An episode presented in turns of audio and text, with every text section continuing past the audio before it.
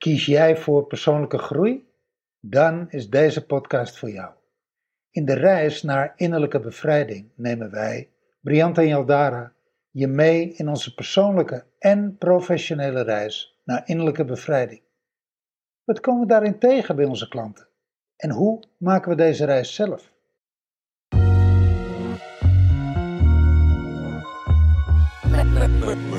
Tell me what's your motive?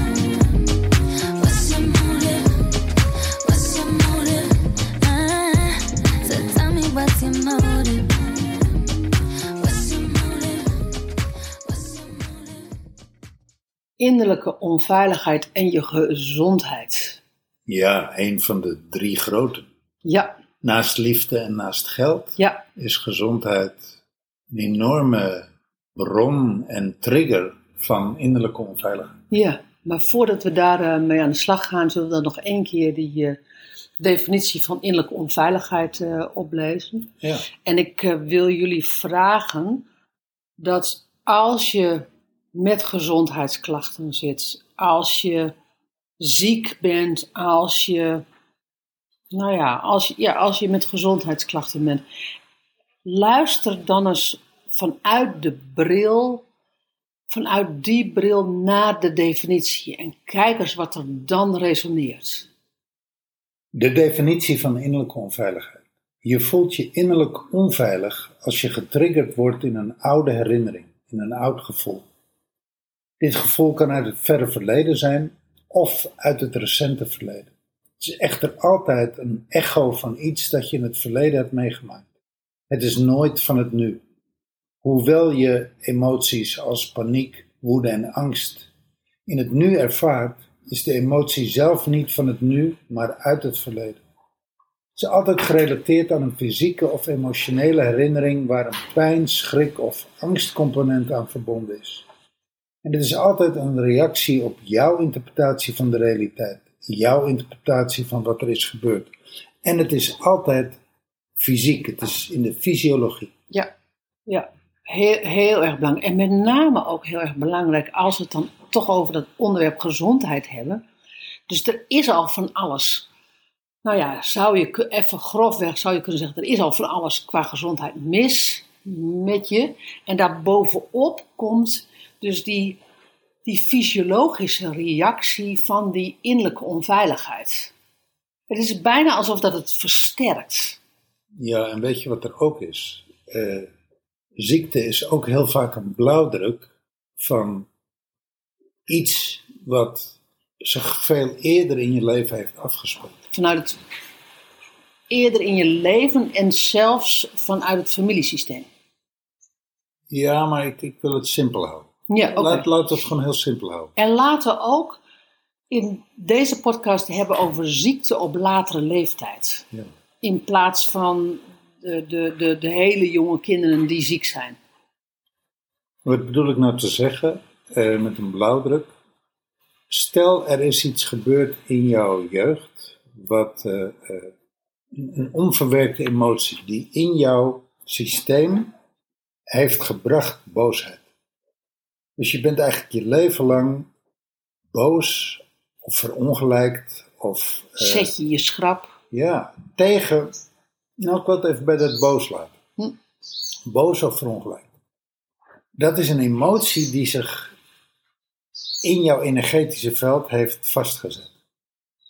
De kans dat dat uitmondt in een ziekte is aanwezig. Ja, En op die manier zie je dat ziekte zich, of dat, dat, dat emotie zich vertaalt in ziekte. Ja, nou, wat ik dan zeg is, gezondheid is verbonden met je emotionele, je spirituele, je mentale en je fysieke laag, lagen in jou.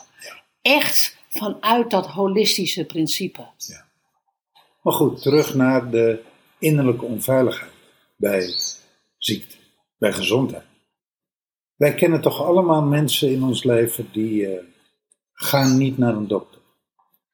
Ook al hebben ze enorme klachten, het is- het is vooral een oudere generatie, zeg maar de generatie van onze vaders, onze moeders, maar misschien ook nog wel mensen in onze generatie. Ik had zo'n vader. Ja, je moest echt half kruipend, zeg maar, van de pijn dat je echt niet meer verder kon, dat er een dokter bij mocht komen, maar met de huistuin- en keukenklachtjes, ah, ga je toch niet naar een dokter? Kom nou. Nou ja, ik ben opgevoed bijvoorbeeld, als, als er griep was, dan zei ik van, kunnen we niet naar de dokter gaan? Dan zei mijn moeder standaard van, een griep duurt een week. En hoeveel dagen heeft, eh, duurt een week met pillen, duurt zeven dagen zonder pillen. En hoeveel dagen heeft een week? En dan zei ik, dan zei ik heel braaf, zeven. Nou, zie je, geen enkel verschil.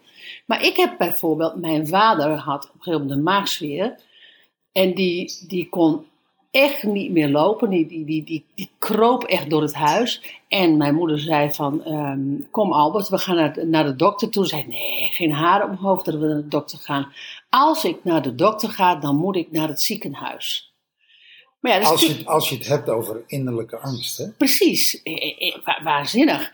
En, ehm, en mijn moeder zei, nou ja, weet je, hoe het ook zij, er moet nu een dokter komen, want het gaat gewoon niet goed. Dus, dus de dokter kwam of zij ging naar de dokter, dat is heel lang geleden, dat weet ik ook echt niet meer.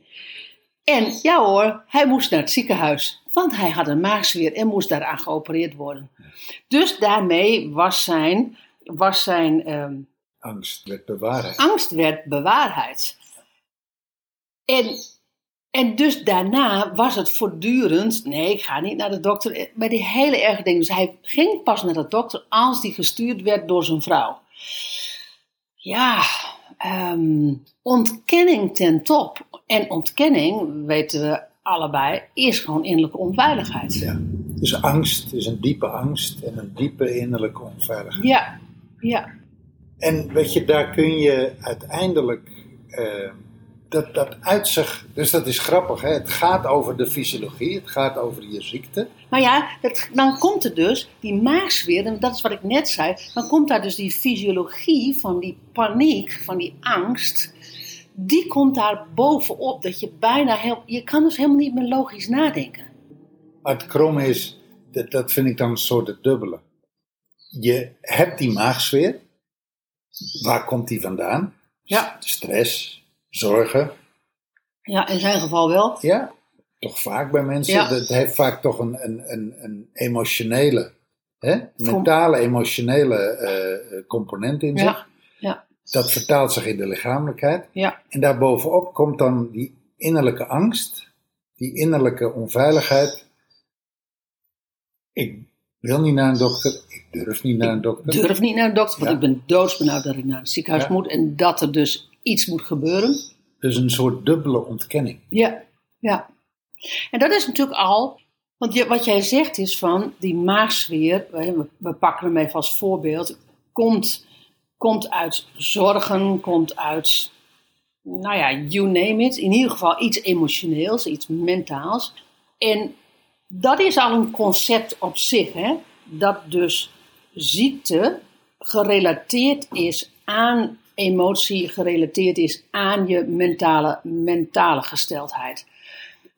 Daar willen al heel veel mensen niet aan, Briant. Ik bedoel, die, ik weet nog dat die arts destijds zei: Groeneveld, als je zo doorgaat, dan krijg je vervolgens nog een keer een maagzweer. Dus er moet iets gebeuren.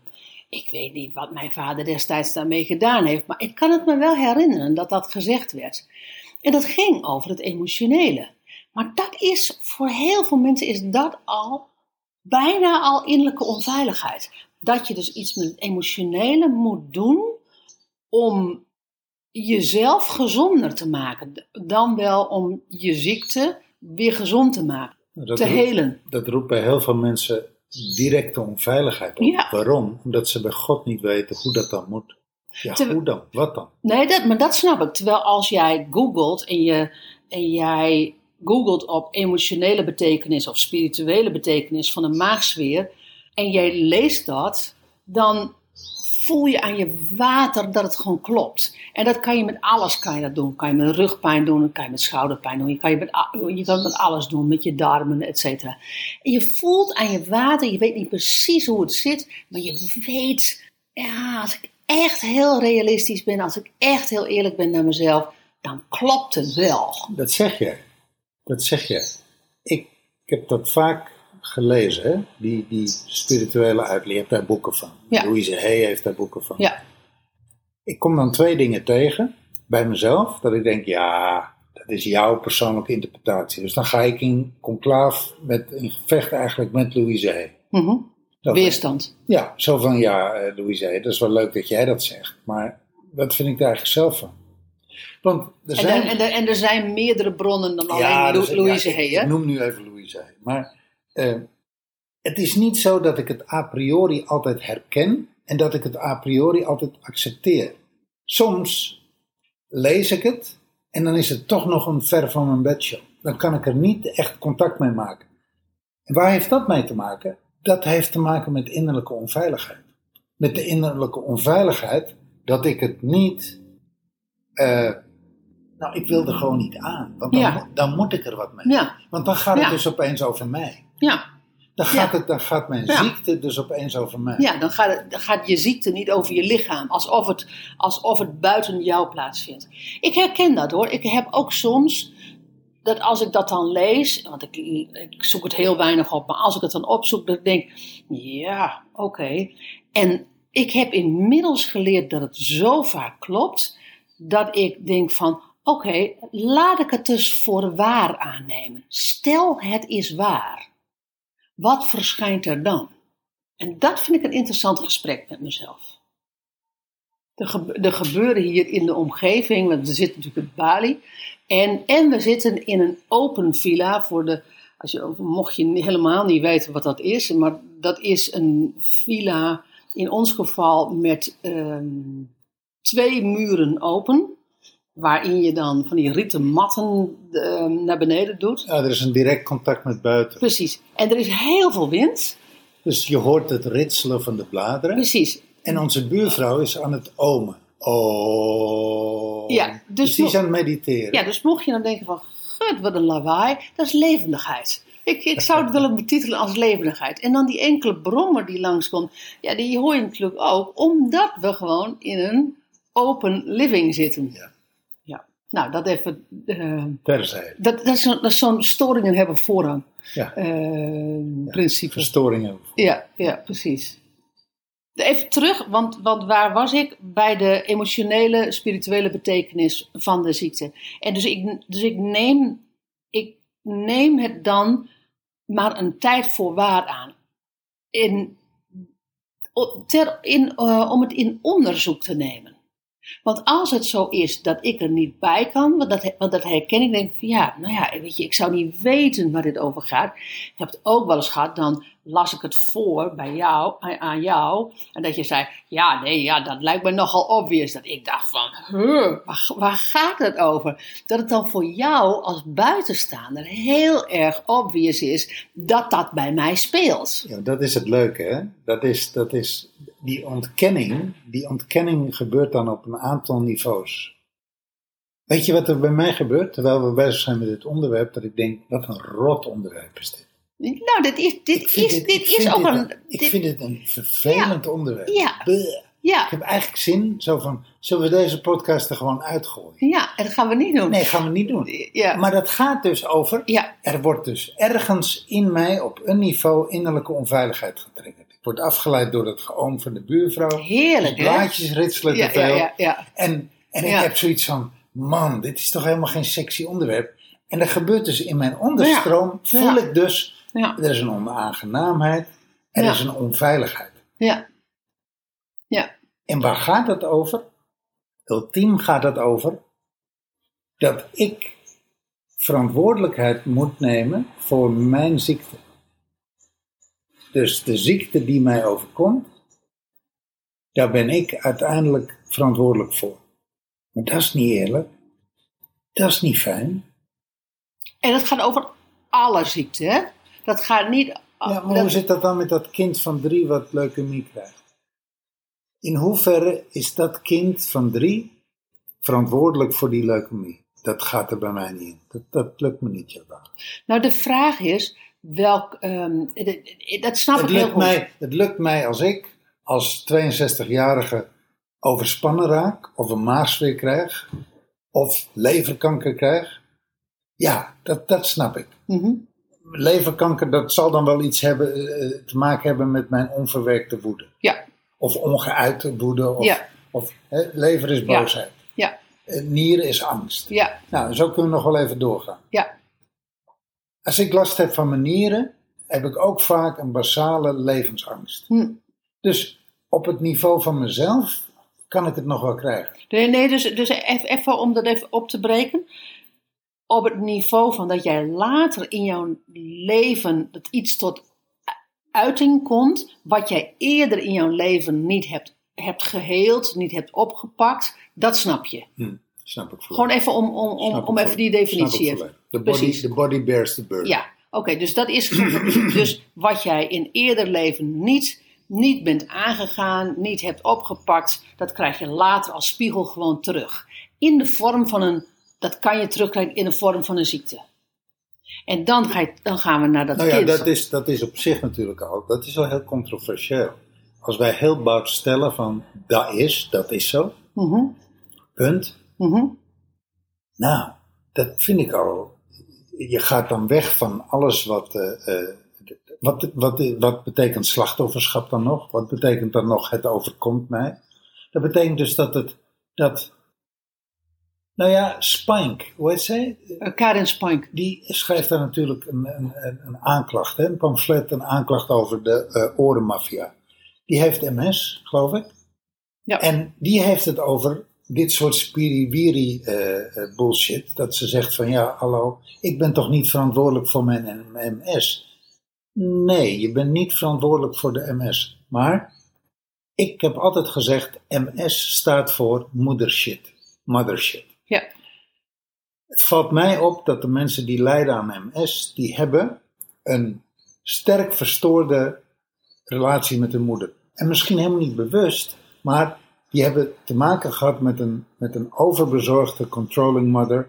Dat heeft zich dat, in allerlei uit, uitingsvormen. MS is wel degelijk emotioneel, heeft een emotionele begincomponent. Je krijgt niet zomaar MS. Tuurlijk, Nou, ik denk tuurlijk, dat- je, je bent daar vatbaar voor en je lichaam Precies. is daar vatbaar voor. Weet je, zoals de ene maagzweer krijgt en de andere longkanker. Juist. Die zijn hele leven rookt. En de volgende rookt zijn hele leven en krijgt never longkanker. Ja. Tuurlijk, daar, zit, daar zitten componenten in van erfelijkheid.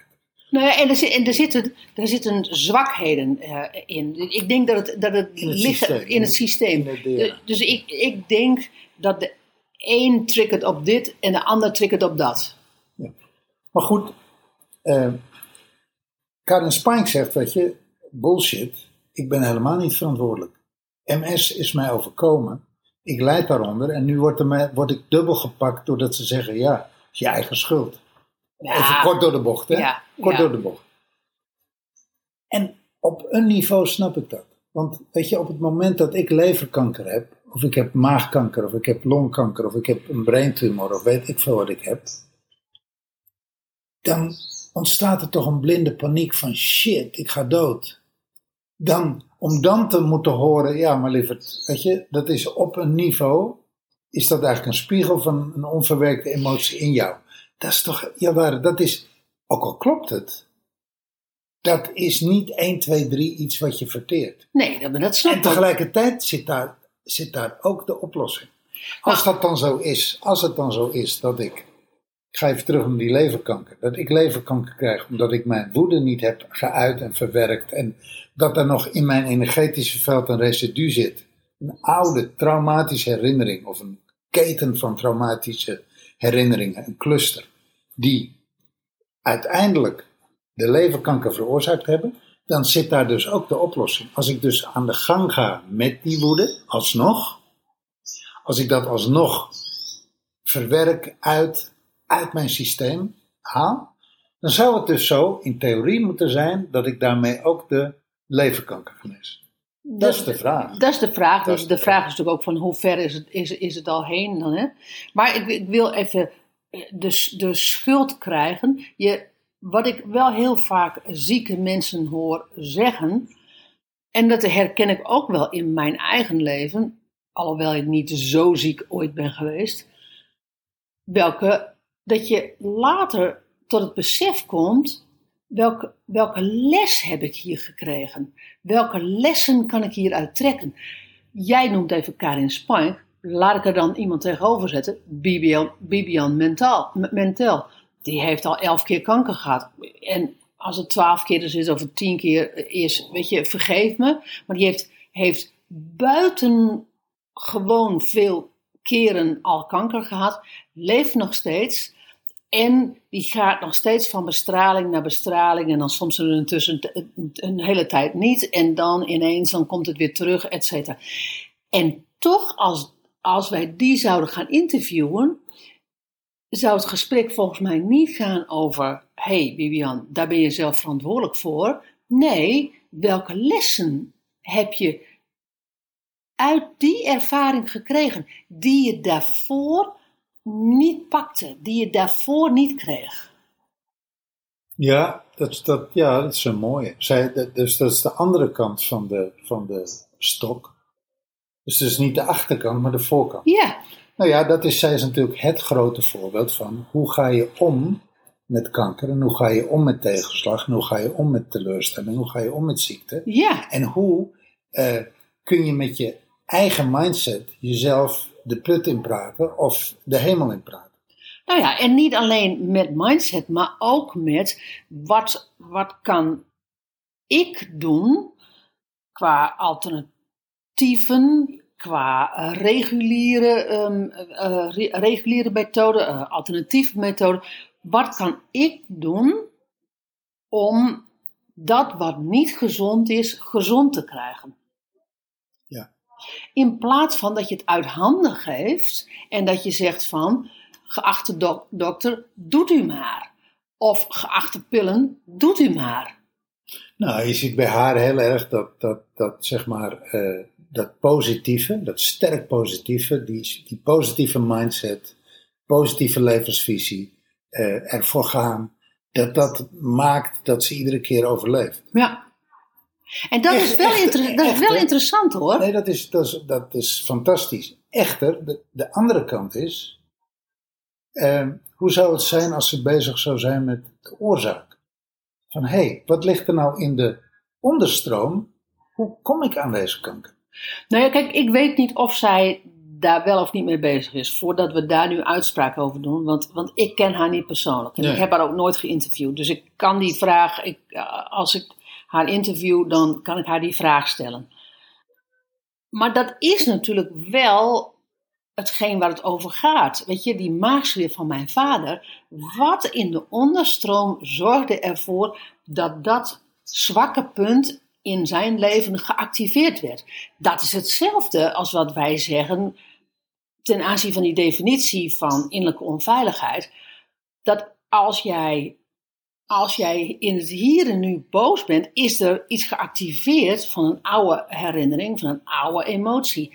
Dat is natuurlijk exact hetzelfde wat er in het lichaam plaatsvindt. En jouw, jouw zwakke punten, in mijn geval longen, ik begin gewoon gelijk te hoesten, wordt geactiveerd. Mijn geval darmen. Dat, is dat gaat echt over oude, oude traumatische ehm, ervaringen. Het gaat over oude, oude gevoelslagen die destijds niet zijn aangepakt, niet opgelost. En die dan getriggerd worden, waardoor ik in het hier en nu dan wel diarree krijg, dan wel obstipatie krijg. Dat is, dat is allemaal in de onderstroom, zou, ehm, is dat terug te herleiden. Terug te herleiden naar innerlijke onveiligheid. Ja, absoluut. Naar, naar, naar eh, het trauma, eh, de pijnlijke herinneringen, eh, angst, pijn. Wat zeggen we? Angst, pijn of, of schrik. Schrik. Ja. Ja. En eh, Paniek, woede en angst. nee, die component. Pijn, schrik of angst. Oh ja, ja, ja, ja, ja je hebt gelijk. Die, ja, die zit dus nog in je energetische veld. Hoe, Precies. hoe weten we dat? Dat weten we door de healing. We Ja. werken met de healing, de, de frequentietherapie. Ja.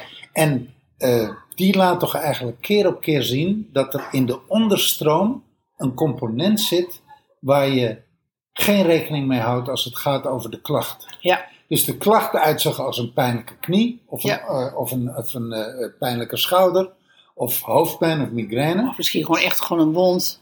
of een wond. Nou, wond is natuurlijk vaak extern, hè? Nou ja, dan ga even naar bij de buurvrouw, bij de Franse buurvrouw.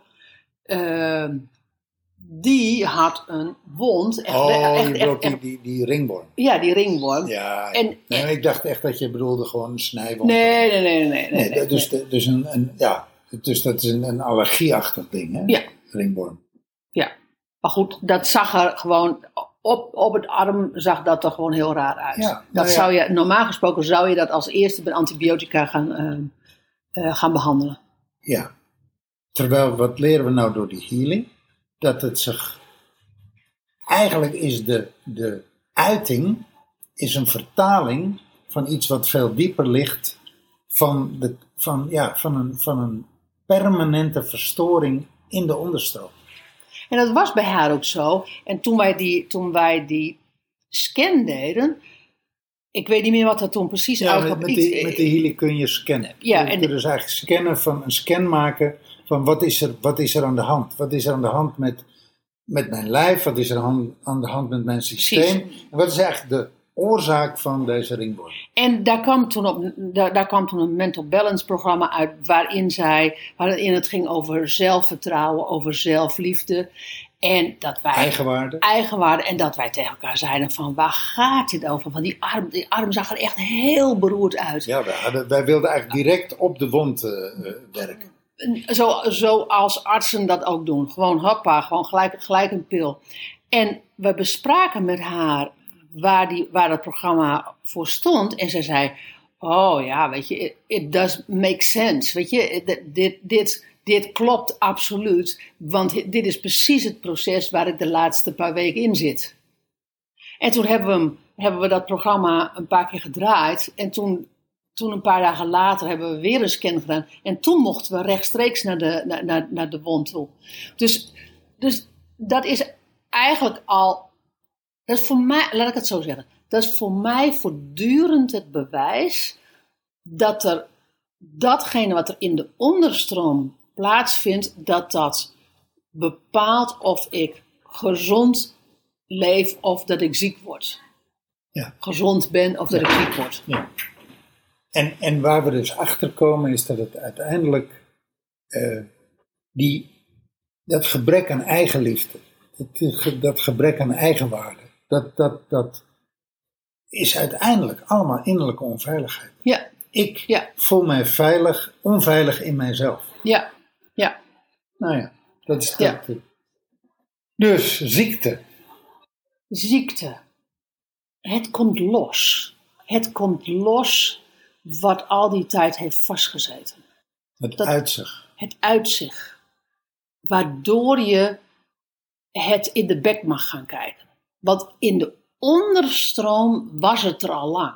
Ettert het al lang door. En in die onderstroom kan je het niet zien. Terwijl als het zich uit, dan kan je, kan je het zien en dan kan je, kan je het aan gaan pakken. Ja, jij zegt dat mooi. Kan je het aanpakken? Kan je het aan gaan pakken? Of moet je het aan gaan pakken? Nou ja, dat, Nou is, ja. dat, die, dat is natuurlijk een vrijwillige keuze. Ja. De, de, de eerste vraag is natuurlijk, wil je hier aan? Wil je aan dit concept? Wil je aan het idee dat de ziekte die je hebt uiteindelijk een uitingsvorm is van iets heel anders? Wil je daar aan? Ja, daar, daar begint het. Daar, begint het. En het begint ook bij, ben ik mijn eigen leider, ben ik mijn eigen innerlijke leider of ben ik slachtoffer daarvan? En dan moet ik toch even denken aan die podcast die wij hebben opgenomen in het kader van die radar-uitzending ten aanzien van, van, eh, van de Healy. Van die uitzending dat ze de Healy eh, met de grond eh, gelijk maakten, wat overigens ehm, niet hoefde, want ehm, ik heb zo vanochtend eh, gelezen dat ehm, de minister alle Kamervragen heeft beantwoord en de Healy is, volle, vo- is, is volstrekt eh, legitiem bezig eh, met waar ze mee bezig zijn. Maar wat wilde ik nou zeggen? Daar ben, dat ben ik nu even kwijt. Dat gebeurt soms als je een zijpad neemt, dan ben je het op een gegeven moment ben je het kwijt. En ik weet het ook echt niet meer. Ik weet zeker als jij nu door gaat praten, dat, dat ik het ineens, dat ik het weer weet. Nee, ik val ook stil. Oh ja. Ik zei het al, ik vind het een rot onderwerp. Ja, ja dat, is, dat is wel. eh, Ja, ik weet het. Kijk, precies. Ik heb dan soms net even gewoon halve zin nodig. In die podcast had ik het over ziekte, ziektewet, ziekte, ehm, ziekteverzekering. In plaats van gezondheidsverzekering. Dus we hebben het over. We hebben het niet. We hebben het over ziekte, wet, eh, ziekte verzekering, maar we, maar we kunnen ons niet verzekeren op een manier waarop wij onszelf gezond kunnen maken. Dan wel gezond kunnen eten, dan wel gezond kunnen drinken, dan wel gezond ehm, kunnen, kunnen behandelen. Er is geen, er is in, onze, in, in het verzekeringssysteem van Nederland, en ik weet niet hoe het in België is, maar dat zal ongetwijfeld, ik du- durf bijna wat te zeggen dat het in België ook wel is, waarin je dus niet wordt gestimuleerd om, met je, om je gezondheid in eigen handen te nemen. Ik, ik vraag me af of er ergens op de wereld een land is waarin dit, eh, waarop ze die omdraaiing hebben gemaakt. Waarop gezondheid wordt verzekerd. Nou ja, zolang gezondheid niet wordt verzekerd, maar ziekte wordt verzekerd, wordt ziekte ook gestimuleerd. Want het is eigenlijk heel simpel. Paradox, hè? Het is heel, para- het is heel paradoxaal. Dat, dat, eh, daar, daar wordt natuurlijk al heel veel over gesproken. Ge- eh, eh, gezond eten wordt extra belast eh, qua belasting dan, dan eten wat gewoon niet goed voor je is. Daar hoef ik geen, daar hoef ik geen profeet voor te zijn om dat te kunnen gaan zeggen. Wij allen weten dat naarmate de producten in de, eh, in de schappen liggen van de supermarkt die, die ongezonder zijn, zijn ze ook goedkoper. Mensen die weinig geld ter, eh, ter eh, tot hun beschikking hebben, zijn vaak zieker. Waarom? Omdat ze geen gezond eten kunnen betalen. Omdat ze. Geen, geen, geen ge- eh, laten we zeggen, verse groentes, vers fruit. Precies. Die kiezen voor, eh, weet je, voor, voor witmeel, gebakken dingen. En- processed food. En dat is hetzelfde met dat, dat in Nederland is het alternatieve circuit wordt steeds meer, wordt steeds meer verbannen naar de enorme zijkant, om het maar even zo te zeggen, zodat het eigenlijk uit je blikveld komt. In plaats van toen wij jong waren, althans toen ik jong was, kon je kon je, je gewoon extra verzekeren voor alternatieve eh, geneeswijzen, voor alternatieve methoden. En dan kon, kon ik zelf kiezen waar ik dan naartoe wilde. Maar dat, dat deed ik natuurlijk omdat ik, omdat ik geloofde dat ik daardoor mijn gezondheid in eigen handen meer nam als dat ik het bij de traditionele, bij de reguliere gezondheidszorg Nou ja, je, je ziet in zijn algemeenheid dat alternatieve zorg wordt meer en meer en meer gemarginaliseerd en, ter- en teruggedrongen. Ja? En, en je wordt niet gestimuleerd om te gaan mediteren. Je wordt niet gestimuleerd om te gaan visualiseren. Je wordt niet gestimuleerd om, eh, wat wij doen, EFT te doen. En misschien wil je wel een cursus EFT doen. Maar dat zit niet in de vergoeding. Nou, we hoeven, we hoeven hier. We hoeven eh, in deze podcast hier niet over te gaan ranten. Maar tegelijkertijd is dat natuurlijk wel wat meespeelt in, in gezondheid. In die innerlijke onveiligheid en gezondheid. In de context. ja. In de context. Nou, en dan terugkomen op, jou, op jouw vraag van een driejarig kind die leuk, leukemie heeft. Ik weet daar het antwoord niet op. Ik denk soms, en jij, onderbrak me daar even in. Ik denk soms dat er in het fa- familiesysteem ook dingen wordt doorgegeven. Want mijn, mijn opa is aan longembolie overleden. Mijn vader is aan longkanker overleden. En ik ben het enige kind wat ook wat vroeger bronchitis had. Dus longen. Dus iets in dat hele longencircuit is zeg maar gewoon doorgegeven met, met, de, met het familiesysteem. Daar geloof ik heilig in. Is, moet ik dan zeggen van, ja, ik kan er ook niks aan doen, want mijn vader, want mijn opa en misschien dienstvader. Ja, nee, dat, dat is natuurlijk niet waar het over gaat. Aan mij is wel de les te pakken, waar staat longen voor? Want dat die, in die onderstroom van die longen is ook namelijk doorgegeven. Mijn vader hij heeft een aantal dingen exact hetzelfde doorgegeven als wat, wat ik heb. Ken zijn vader niet, want ik heb mijn opa nooit gekend.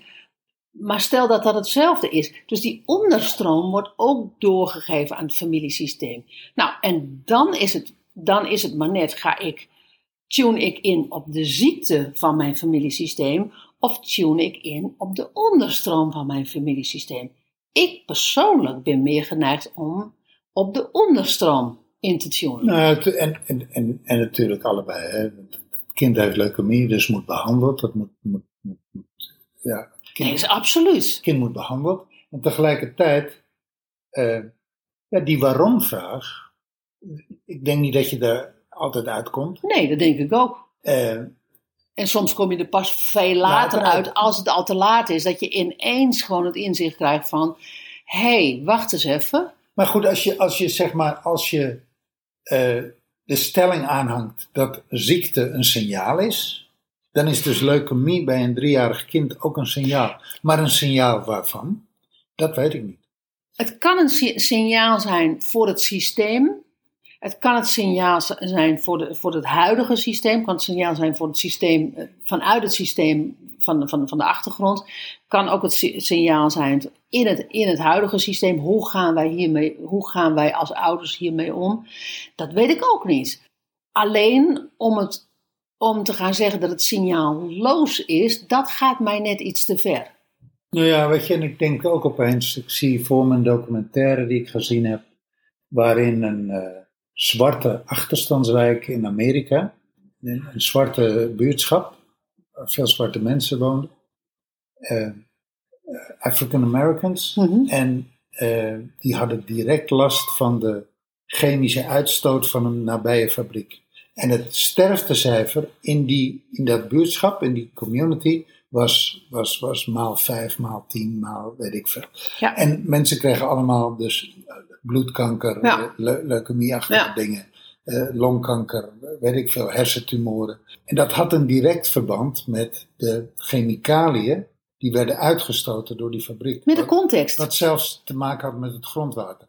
Dus, Maar dan kom je dus waar we die podcast over hebben o- en zelfs opgenomen. dan is het een signaal, hè? Zelfs dan, is het een signaal. Die podcast die we hebben opgenomen over innerlijke onveiligheid en de context, dat als je die titel leest, lijkt dat heel, een heel ver van mijn bedshow. Maar het wordt een heel dicht bij mijn bedshow op het moment dat je inderdaad in een context leeft die qua gezondheid gewoon niet goed voor je is. En dan is het de vraag, ga ik daar weg of blijf ik erin? En dan, tuurlijk, als je in de kolenmijnen hebt gewerkt in Limburg, of jouw opa heeft daar gewerkt, of jouw vader heeft daar gewerkt, en die zegt van ja, weet je, dat was, dat was, ehm, dat moest wel, omdat er gewoon brood op de plank moest komen. En toch zijn er mensen in de geschiedenis die zeggen van, ook al moet er dan brood op de plank komen, ik doe het niet. En ik heb daar geen oordeel over, begrijp me goed. Maar tegelijkertijd, in die tijd werd op een moment, was het bekend dat het niet gezond was. En toch bleef je daar. Nou, roken. Roken, idem dito. En dan kan je zeggen van ja, maar in sigaretten zit ook al, zit ook al een verslavend middel, waardoor je in de verslaving blijft. Klopt. En Precies. toch, en toch zijn er duizenden mensen die eh, van het roken afraken.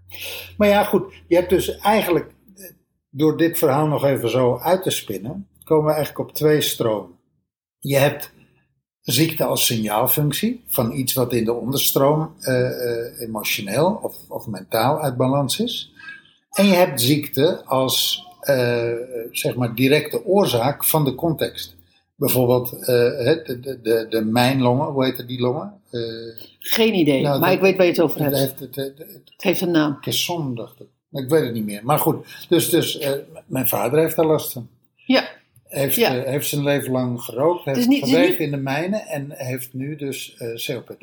En je kan, maar, ik, je kan dus ook niet zeggen van, ehm, ik heb ze dat niet gewoest. Weet je, als jij als je een kanariepietje meeneemt naar de kolenmijnen en omdat als het kanariepietje valt, dat er dan geen zuurstof meer is, dan denk ik, ja hallo, je kan ook, dat is, dat is dan toch al dat is dan toch al wetenschap genoeg. Onze goede vriend Egmond zei daar altijd over, toen hij nog leefde. Enjoy now, pay later. Ja, Dat was ook, ook met roken. Ja. En ook met, met, met alcoholmisbruik. Enjoy now, Su- later. suikergebruik, ehm, alle, alle wit, witmeel weet over alle, hoe heet dat, geraffineerde spullen. Weet je, het dikker worden en dan vervolgens vanuit het dikker worden nog weer een andere ziekte krijgen en nog weer een andere ziekte. Het is natuurlijk bekend dat naarmate je ouder wordt in onze leeftijd, dat mensen op een gegeven moment eerder drie ziektes bovenop elkaar hebben liggen dan dat ze één ziekte boven eh, hebben. Ja, dat komt natuurlijk niet omdat ze, omdat ze het leuk vinden om op latere leeftijd ineens met jou te gaan rekenen. Come on. Dat is inderdaad enjoy now, pay later. Ja, dus dat is er ook. Hè. Er is dus ook gewoon het, het, het, het belasten, het overbelasten van het systeem. Wat uiteindelijk leidt tot ziektes. Ja, en dat is dus, en dat, dat start natuurlijk gewoon met ontkenning. Zo van, nou, dat valt allemaal wel mee. Ja. Nee, weet je, als die producten in de supermarkt liggen, nou, dan zal, dan, dan zal dat wel meevallen. Maar wat als het niet meevalt? En ik ben mij wel bewust, want dat vind ik zelf het meest enge, dat als er nu wordt gezegd van dit is gezond, terwijl over twintig jaar daar in, ineens meer, meer informatie over is en het dan ineens niet gezond Ja. blijkt te zijn. En dat ik het dan twintig jaar heb gehad. Ja, dat blijft. Dat Ja, dat blijft. En tegelijkertijd vind ik, vind ik dat dus een. Dat vind ik wel een onveilige gedachte. Ja. Maar goed, daar heb ik dan. ehm, maar dat is ook van alle tijden. Dit alles gezegd hebben, hè. Hoe ga je nou eigenlijk van innerlijke onveiligheid naar innerlijke veiligheid als het gaat over gezondheid? Hoe ik het persoonlijk doe, is dat ik verbinding maak met de onderstroom. Wat is hier nou eigenlijk aan de hand? Wat, waar is dit een spiegel van? En, en ik moet je zeggen, de Healy helpt mij daar enorm bij. Om te leren kijken naar de onderstroom. En dat is de enige manier. Want in de onderstroom is het, tenzij het dus een ziekte is, dat hebben we nu bepaald, met externe factoren. Ja, zoals een gebroken been moet je gewoon, daarvoor moet je gewoon het ziekenhuis. Nou ja, maar ook, ook bijvoorbeeld eh, als jij dus eh, voortdurend vervuild water drinkt, ja, dan word je op Ja. een gegeven ogenblik ziek. Ja, Weet je, dan, dan is het vervuilde water de oorzaak. Maar als de oorzaak ligt in jouw persoonlijke onderstroom, onverwerkte emoties, dat daar een spiegel van is, kan je eigenlijk maar één ding doen, naar die onderstroom ja, En I het, agree. en het daar oplossen. ja, En daar zorgen dat de onveiligheid veilig wordt. ja. Dat hebben we ook gezien. Dat wil niet zeggen dat de ziekte daarmee verdwijnt. Want eh, soms is het lichaam gewoon te ver aangetast. Ja, En moet je toch echt eh, met behulp van een arts, of misschien met behulp van een operatie, of misschien met behulp van medicatie, dingen oplossen. Maar eh, ik denk dat het goed is, altijd goed is, om bij ziekte de weg terug te bewandelen naar de oorzaak. ja. Waar, waar in de constructie is het fout gegaan? Nou ja, waar, waar in de constructie ligt de constructie fout? Ja, Ja. ja, En soms eh, is die er niet, of kom je er niet bij. En als je er wel bij komt, ja, weet je, ga dan in ieder geval je innerlijke onveiligheid oplossen. Vaak is dat ook het begin van genezing. ja. Dat Nou ja, mensen vanuit, vanuit de ziekte de weg, zo noem ik het maar, de weg terug bewandelen naar de bron van de ziekte. ja.